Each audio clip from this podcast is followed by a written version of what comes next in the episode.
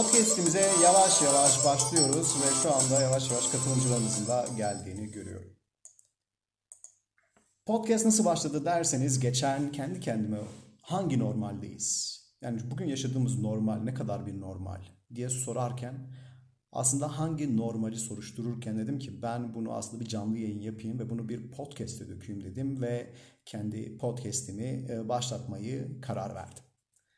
Podcast e, artık kitap yazmak gibi eskiden nasıl kitap yazılıyorsa podcast'te bugün e, bizim dinlemeyle, dinleme duyumuzla tarihe bırakacağımız aslında eserler olarak görüyorum. O yüzden ben de kendi podcast'imi başlamaya karar verdim. Bugün biraz hani nasıl diyorsam ki ben girişimcilik dünyasında büyüdüm. Bugün de sizlere aslında diğer büyüdüğüm alan olan büyük veri ve big data alanında konuşmaya başlayacağım. Big data, büyük veri derken herkesin aklına farklı farklı sorular geliyor. Girişimcilik derken de aynı şey. Yani girişimcilik derken insanlar daha bir girişimciyi, e, bir e, küçük esnafı ya da bir sosyal girişimciyi karıştırıyor olabilir ve çok normal. Çünkü hayatımızda son 20 yıldır, 30 yıldır gelen kavramlardan bahsediyoruz. Özellikle sosyal girişimcilik, e, büyük veri, big data analizi gibi. Bugünkü podcast'imizde e, soracağım normal sorusu büyük veri üzerine olacak. Aslında belki de her gün kullandığımız, her gün e, onun içinde yaşadığımız ve ne olduğunu anlamadığımız bir dünya. Matrix izliyordum geçen. Matrix'te işte başrol uyanıyor ya ve aslında bir simülasyonda olduğunu anlıyor. Biz de aslında şu anda simülasyonda yaşamasak da hani Matrix'te küçükken izlemiştim e, uyanıyordu kötü dünyada uyanıyor sanıyordum. Ama şu anda biz de simülasyonda yaşamasak da belki de e, bugünkü telefonlarla şu an önümüzde olan bilgisayarlarla farklı bir dünyada yaşıyoruz ve o dünyaya birazcık uyanmamız gerektiğini düşünüyorum ki ben de bu programımı birazcık bu konuları konuşarak, bu konuları tartışarak, bu konuları anlamak için başladım. Peki Big Data nedir diye sorarsanız ben de geçen e, bu soruyu sorarken gittim ofisteki arkadaşlarıma sordum. Dedim ki arkadaşlar size bir soru soracağım. Sizce dedim büyük veri, Big Data nedir dedim. Arkadaşlarım dedi ki abi dedi Big Data çok datadır dedi. Yani Big veri, çok veri büyük veridir dedi. Diğer arkadaşım dedi ki ya büyük veri ya da Big Data ki aynı sözcük Arada big data diyebilirim, arada büyük veri diyebilirim. Aynı sözcükten bahsettiğimi tekrar hatırlatmak istiyorum. Ee, o da dedi ki anlamadığımız veridir abi dedi. Yani ben e, büyük veri dediğim zaman anlamadığım bir veri geliyor aklıma diyor. Böyle büyük, çok büyük bir data olarak geliyor dedi. Sonra böyle konuşurken ofiste e, dedik ki hadi bir Wikipedia'ya bakalım. Bakalım Wikipedia bize büyük veri alanında ne diyor abi? Yani biz böyle tartışıyoruz ki bu adamlar, bahsettiğim adamlar ve kadınlar teknoloji şirketlerinde çalışıyor. Girdik, açtık Wikipedia'yı. Wikipedia'da okuduk ve şöyle bir şey yazıyordu. Diyordu ki büyük veri analiz ettiğiniz, sistematik bir şekilde verileri topladığınız ve büyük geleneksel yöntemlerle çözemediğiniz verilerin aslında çözme metodudur dedi. Çözme yazılımıdır dedi. Ya şimdi böyle bir definition okurken, böyle bir e, bilgilendirme okurken zaten bunu anlamanız çok zor.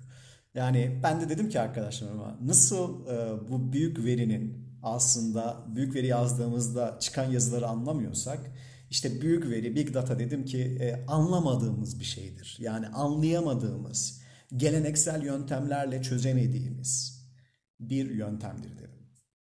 Dünyada bu büyük veri analizi üzerine e, üç kelime söyleniyor. Hatta 3V diyorlar buna. Ben İngilizcesini değil de Türkçelerini söyleyeceğim. Yani diyorlar ki e, eskiden daha çok böyle ifade ediyorlardı. Büyük veri, hani büyüklülük, çeşitlilik ve hızla ifade ediyorlardı. Diyorlardı ki hani bir elimizde veri olduğunda ona büyük veri dememiz için elimizde çok büyük, çok çeşitli ve bunu hızlı işleyebileceğimiz bir işletim sistemi varsa büyük veri diyorlardı. Tabi bu zamanla teknolojinin de gelişmesiyle değişmeye başladı. Nasıl değişmeye başladı? Yani artık e-mailler çıktı. Ya da WhatsApp'tan siz bir arkadaşınıza bir fotoğraf gönderiyorsunuz. Ya da e-mail'e bir fotoğraf ekliyorsunuz ve arkadaşınıza gönderiyorsunuz.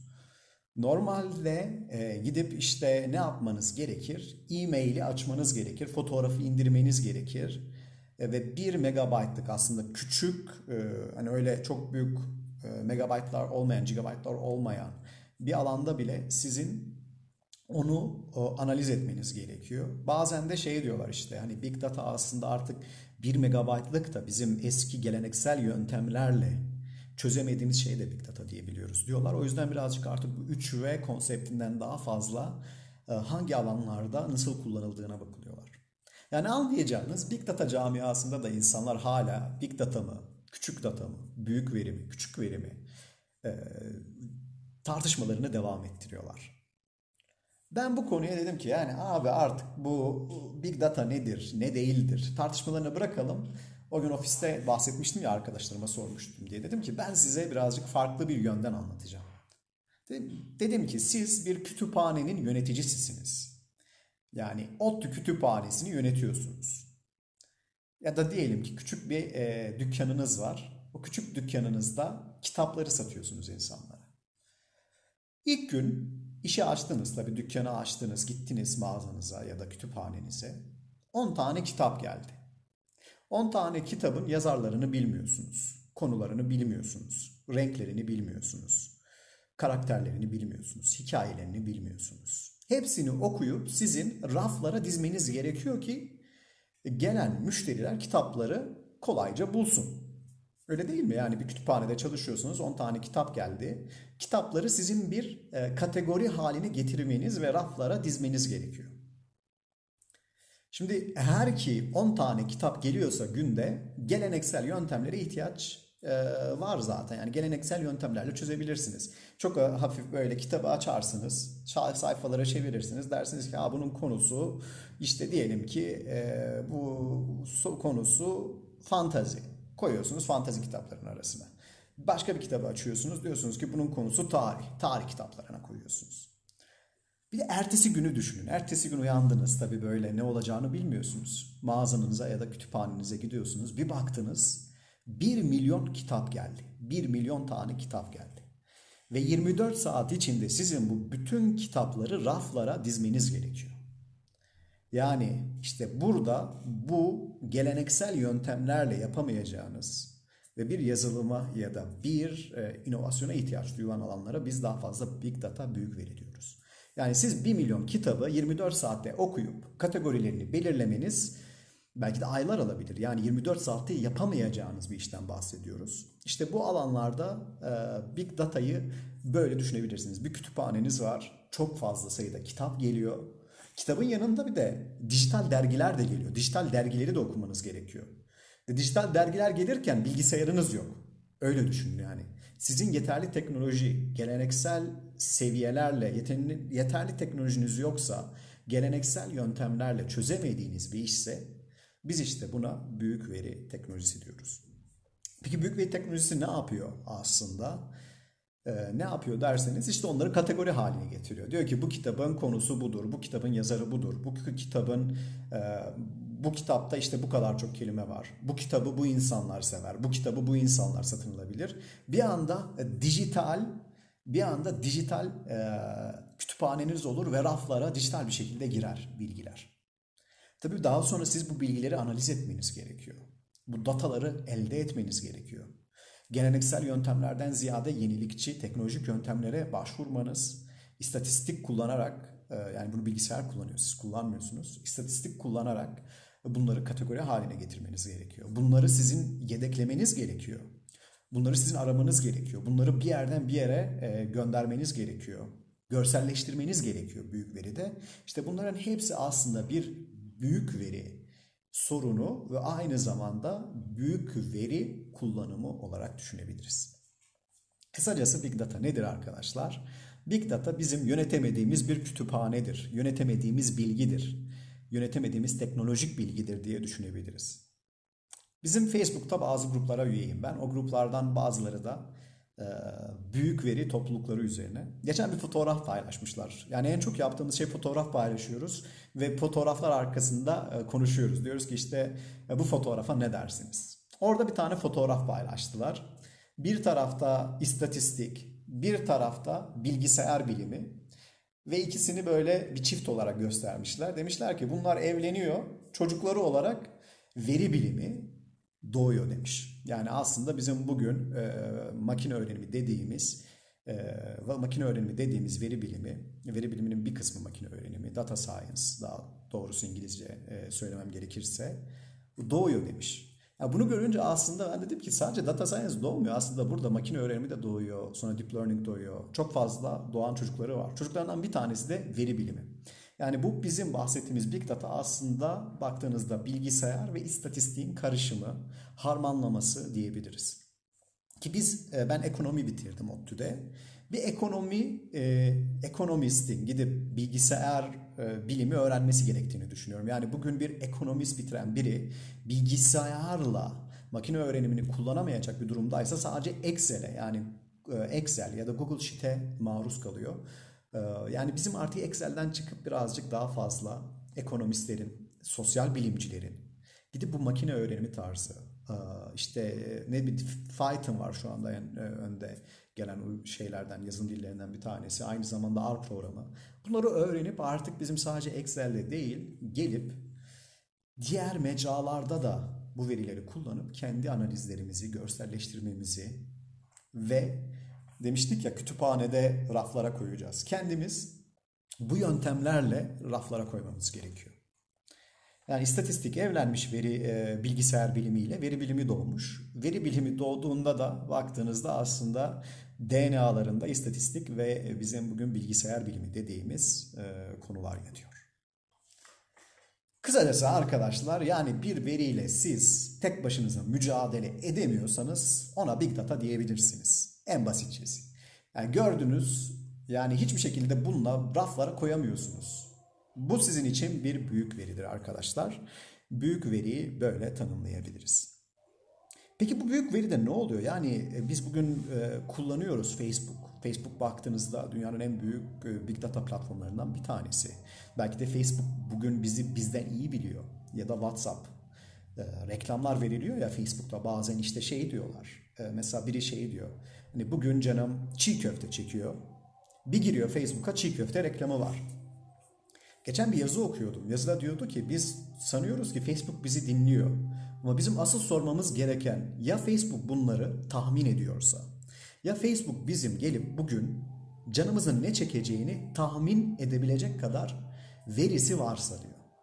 Bu soruyu da düşününce aslında dedim ki yani dinlemesinden daha sıkıntı bir şey. Yani benim bir ay sonra yiyebileceğimi tahmin edebileceği bir teknolojiden bahsediyoruz. Yani bu ciddi bir konu arkadaşlar. Her gün yaşadığımız her gün gidip şu anda beni Instagram'dan, Spotify'dan dinlediğinizde yani bugün beni dinlediğinize sağlayan bir teknolojiden bahsediyoruz ve bu teknoloji e, bizi bizden iyi bilmeye başladı. Ne kadar iyi bilecek, ne kadar daha iyi bilecek e, bunları tahmin etmemiz için bizim büyük veri gibi, işte blockchain gibi, ondan sonra makine öğrenimi gibi konuları çok iyi bilmemiz gerekiyor. Yoksa Facebook bizi bizden daha iyi tahmin etmeye devam eder. Bunun da tabii Facebook demişken Facebook dedik şu anda Instagram'ı kullanıyoruz. Yani Facebook'un güzel tarafları da var. Sadece hani veri alıyor demiyorum. Yani bizi birbirimize de bağlıyor. Küçük şirketlerin hayatta kalmasını sağlıyor. Mesela eskiden baktığınızda sadece büyük şirketler gidip e, televizyonlarda reklam verip e, çok fazla gelir elde edebiliyordu. Şu an küçük bir startup, küçük bir girişim kurduğunuzda Instagram'dan eğer kullanıcılarınıza ulaşıyorsanız işinizi büyütebiliyorsunuz. Yani Facebook'un böyle bir tarafı da var. Hatta Harari ve Mark Zuckerberg geçen Harari'nin YouTube'unda e, konuşmuşlar bu konuyu. Harari bu soruları Mark Zuckerberg'e soruyordu. Kesinlikle dinlemenizi tavsiye ederim.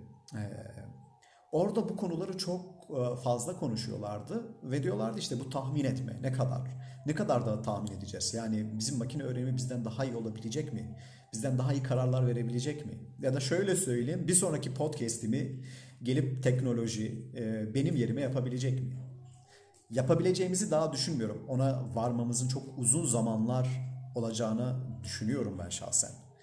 Ama o yolda ne kadar gidiyoruz, ne kadar gideceğiz o birazcık bizim kullanıcıların bu konuyu anlamasıyla ve bu konuda araştırmalar yapmasına bağlı. Tabii Facebook boşu boşuna gelip bizim yarınımızı tahmin etmiyor. Bunun arkasında büyük bir e, para yatıyor. Yani bugün Facebook'a baktığınızda e, değerlemesiyle bayağı değerli bir şirket. Yani şöyle yani şöyle söyleyelim belki E, ne kadar doğru bilmiyorum da yani Türkiye yani Türkiye'nin en büyük şirketlerini toplasanız bir Facebook etmez yani bunu biliyorum yüzde yüz. Hani böyle bir e, teknoloji büyük para getiriyor. Yani büyük bir pazarı var. Pazarda mesela siz ekmek yem ekmek işte salatalık almaya gidiyorsunuz ya. ya bu verinin de bir pazarı var. Bu teknolojinin de büyük bir pazarı var ve bugün dünyanın en değerli 10 şirketine baktığınızda eskiden nasıl petrol şirketleri varsa bugün teknoloji şirketleri, big data şirketleri olduğunu görüyoruz.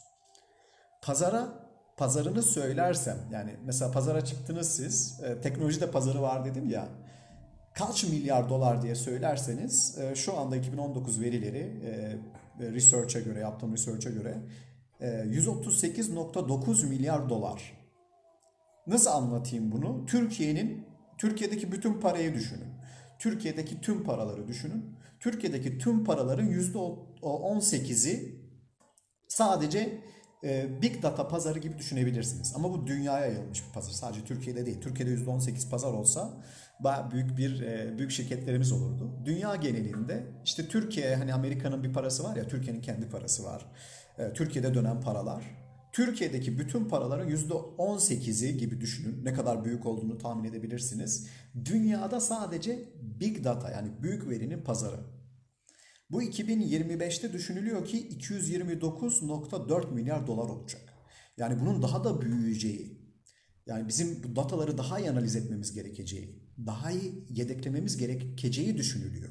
Ve bunun 229.4 milyar dolar olacağı düşünülüyor. Yani çok fazla paralar dönüyor ve bu paralarda yeni girişimler kuruluyor, yeni teknoloji şirketleri kuruluyor. Fortune dergisi var. Fortune dergisinin yayınladığı dünyadaki en hani ne sitesi diyelim en gelirli şirketler var. Her sene ilk onunu açıklıyorlar. Fortune 500. Yani Fortune 500.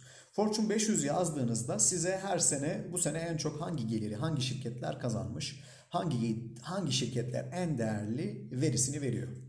Şu an oraya girdiğinizde e, demiştik ya 10 yıl önce sadece petrol şirketleri varken şu an ilk onda Amazon var, Apple var.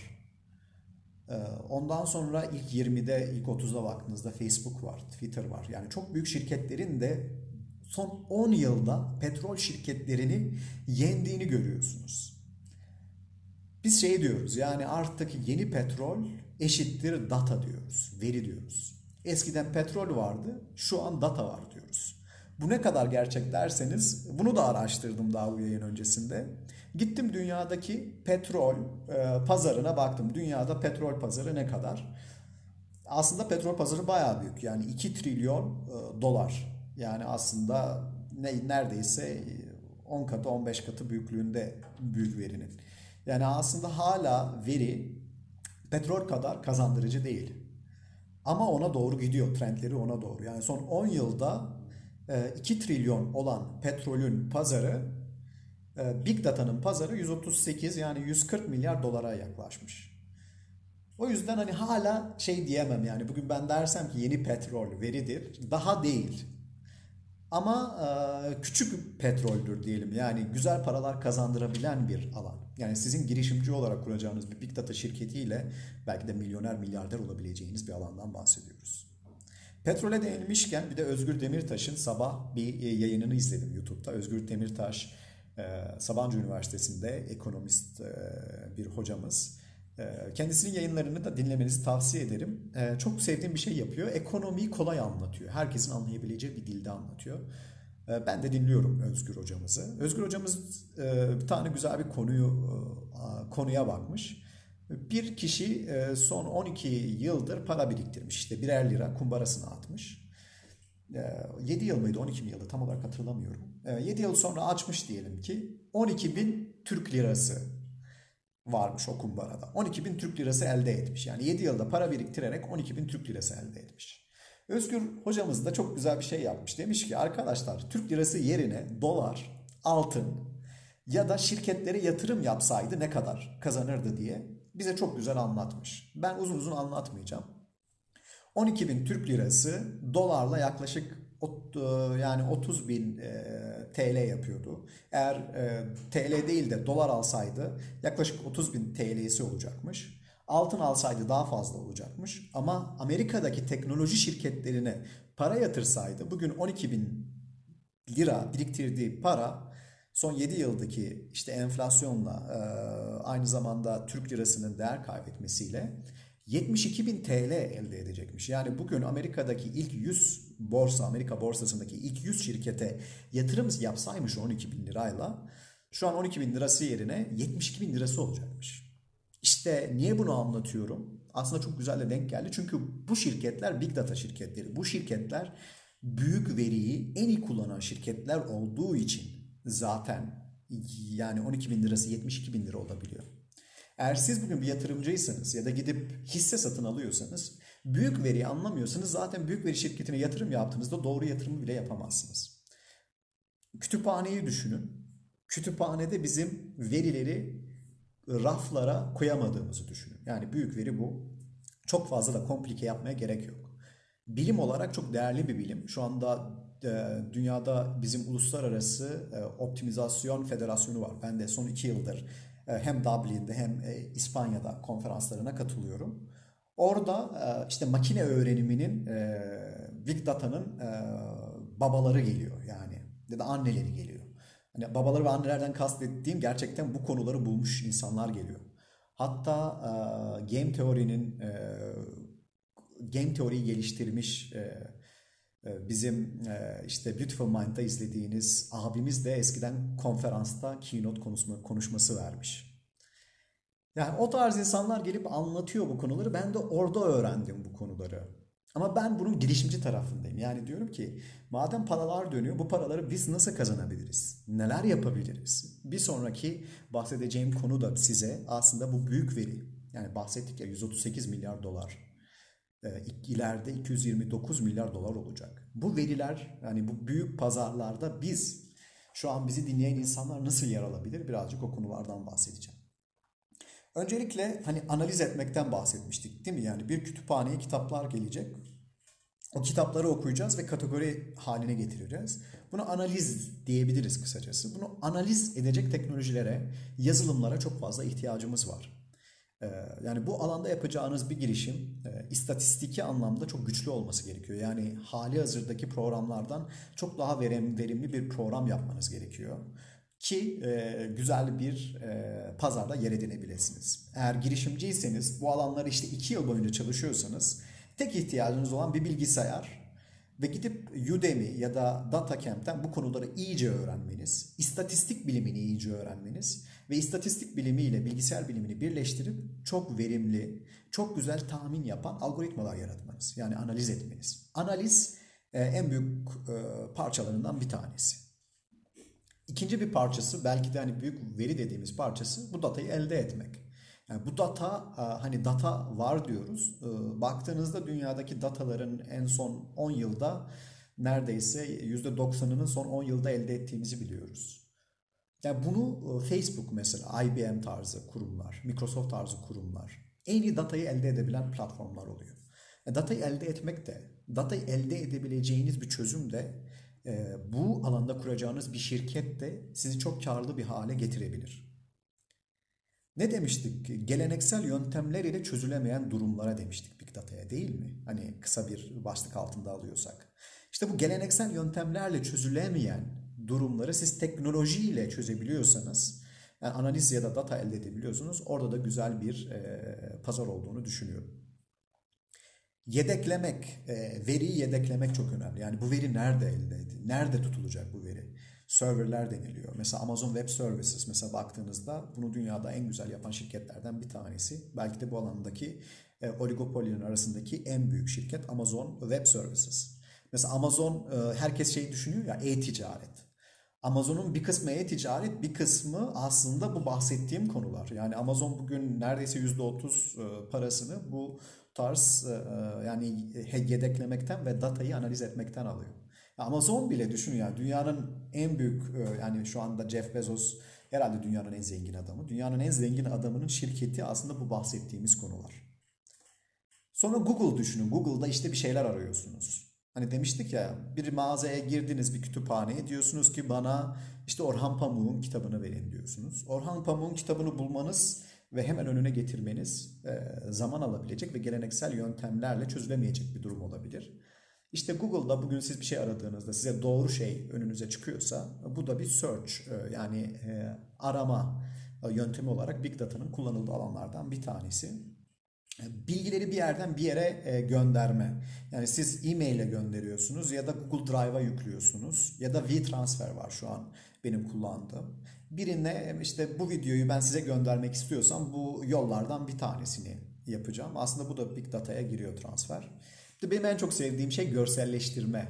E, buna visualization deniyor. Yani aslında e, bizim bu ya insanlara eğer sadece numara gönderirseniz yani numaralar hiçbir şey ifade etmez. Onları görselleştirmeniz gerekiyor anlamamız için. Onlara yorum yapmamız için. Görselleştirme alanında da e, büyük bir açık var. Şu anda onu dolduran girişimler var. Görselleştirme alanında sizin yapacağınız yenilikler de çok değerli olacağını düşünüyorum. Pazar baktığınızda birazcık böyle gözüküyor. Yani analiz eden şirketler var. Datayı elde eden şirketler var. Hatta datayı elde eden şirketlerden bir tanesini Instagram'ı ve Facebook'u şu an kullanıyoruz. Ee, yedekleyen şirketler var. Arama motorları var.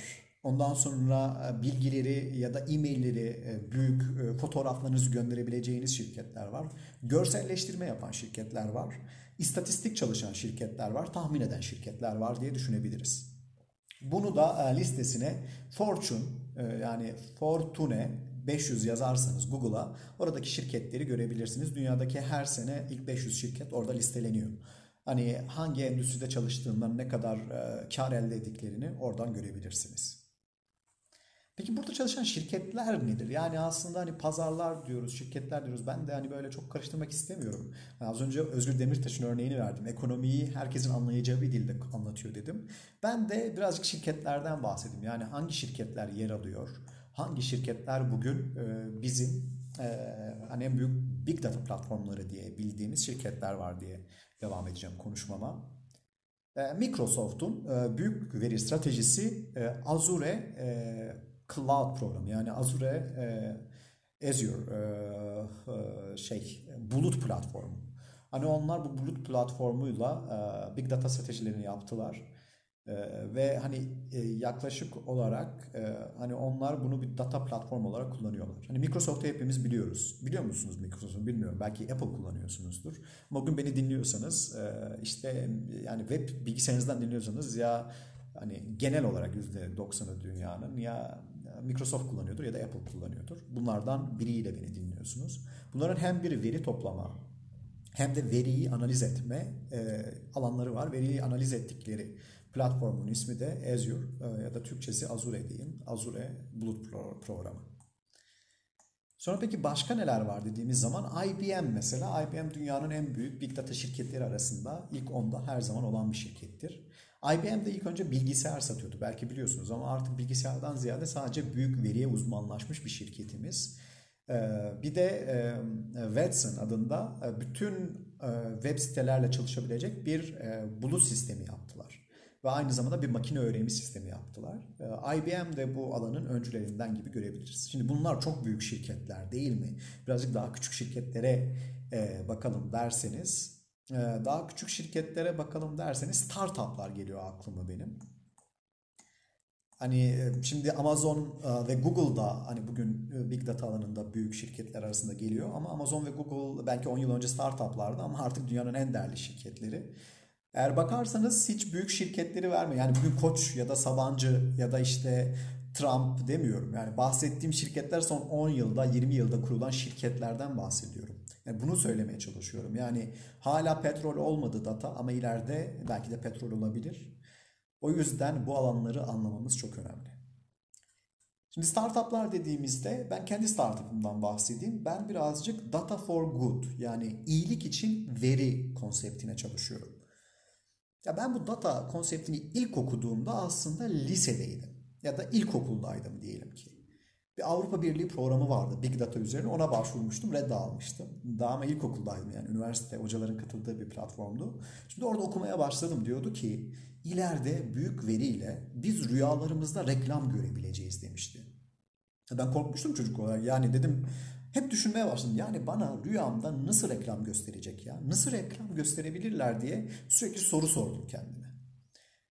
Ondan sonra işte ODTÜ'de ekonomi okudum. İstatistik bilimini anlayınca, istatistik bilimini ve ekonomiyi daha iyi anlayınca aslında o küçükken okuduğum büyük veri makalesinin çok da çok uzak olmadığını gördüm. Ondan sonra daha sonra optimizasyon alanına çalışmaya başladım.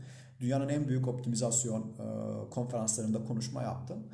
Orada da dünyadaki bu optimizasyon teknolojilerini, bu big data teknolojilerini üreten ve yazan insanlarla da tanışınca gördüm ki belki hala rüyamızda bize reklam gösteremeyebilirler ama bugün benim canımın ne çekeceğini tahmin edebilirler.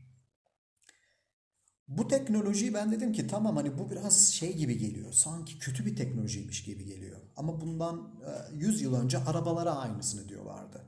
İşte 20 yıl önce bilgisayarlara diyorlardı. Şimdi de büyük veri tarzı teknolojilere diyor. Ben dedim ki bunun güzel tarafları da var. Güzel tarafları da yani bir e, soruna çözüm bulmak isterseniz sizin yeterli datanız olması gerekiyor. Elinizde yeterli veri varsa ve bu, bu veriyi çok iyi analiz edebiliyorsanız çözümleriniz en doğru çözümler olacaktır diyor. Ben de dedim ki göç alanında bugün Türkiye'de 4 milyon 4 milyon e, göçmen var. İşte yaklaşık 1-2 milyon da e, hani Suriyeli göçmen var 4 milyon. 1-2 milyon da Afgan, Iraklı ve diğer Sovyet ülkelerinden, Balkanlardan gelen göçmenler var. Dedim ki Türkiye'de bu göç alanında aslında biz çok fazla para harcıyoruz, çok fazla çözüm yapıyoruz. Biz dedim bu büyük veri teknolojisi kullanarak niye daha güzel çözümler yapmıyoruz dedik ve Migport girişimini e, ben 4 yıl önce kurdum. Yani ben bugün karşınızda bir Big Data şirketi kuran bir kişiyim. Elimde sadece bilgisayar var. Amazon'un bize sağladığı e, veri analizi e, platformlarını kullanarak biz de gayet güzel çözümler bulabiliyoruz. Yani aslında startuplar bizler de bu işi yapabiliyoruz. Ama bu konuları iyice bilmemiz, iyice araştırmamız ve iyice sorgulamamız gerekiyor. Bu da bizim son konumuz olan etik konusuna getiriyor. Yani bilgisayar ne kadar yani bugün bizim veri big data analizleri, veri bilimi ne kadar etiktir? Yani bu insanın bilgilerini kullanmak diyoruz. Büyük problemleri çözebilir diyoruz. Yani bugün göç problemlerini biz büyük veriyle çözebiliriz. Bugün açlığı büyük veriyle çözebiliriz. Yani çok büyük iddialar bunlar. Ama hakikaten çözebiliriz çünkü nerede kimin aç olduğunu bilirsek kime ilk yardım götürmemiz gerektiğini öğreniriz. Aynı şekilde göçmenlerde de elimizde büyük data varsa ve bu büyük data insanlara zarar vermeyecek bir data ise çok güzel çözümler olabilir. İşte bahsetmiştim ya Iona Kuchuradi. Hani bizim e, Türk filozofumuz ve benim çok sevdiğim hatta e, 2013 yılında yaptığım bir konferansta konuşmacı olarak davet etmeye çalışmıştım. E-mail atmıştım. E, keşke gidip görüşseydim de bizim o günkü konferansa davet ettiği, e, konuşsaydım dediğim bir kişi Iona Kuchuradi.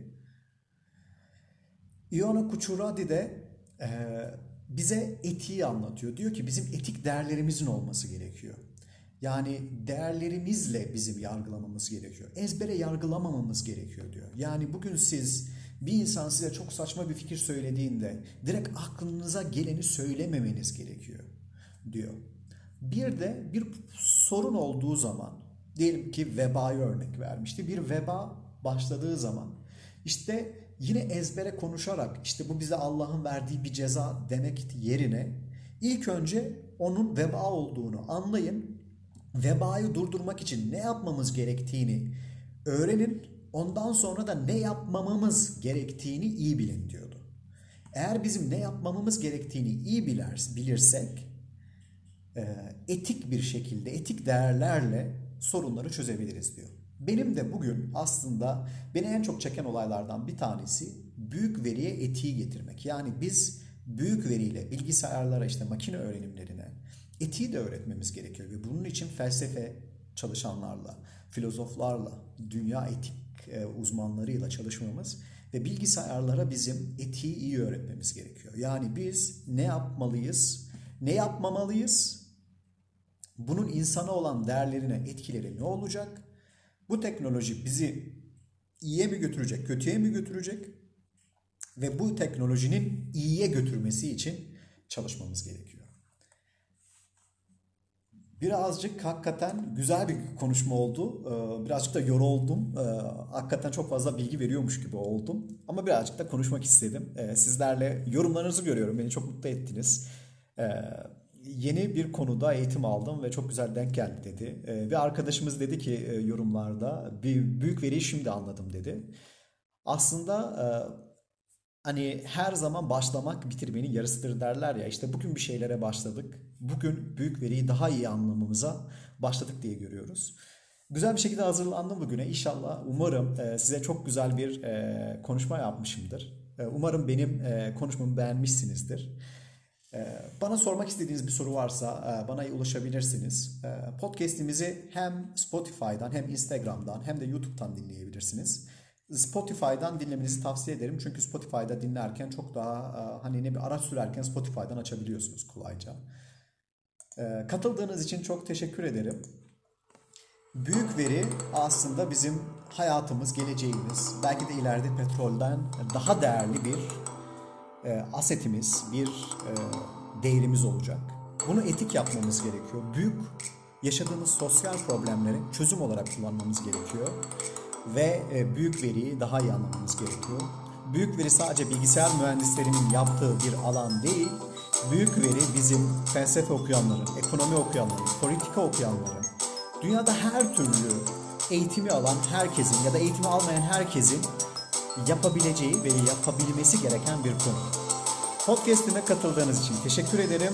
Spotify'da hangi normal yazarsanız bizi dinleyebilirsiniz. Çok teşekkürler. Hepinize iyi günler diliyorum.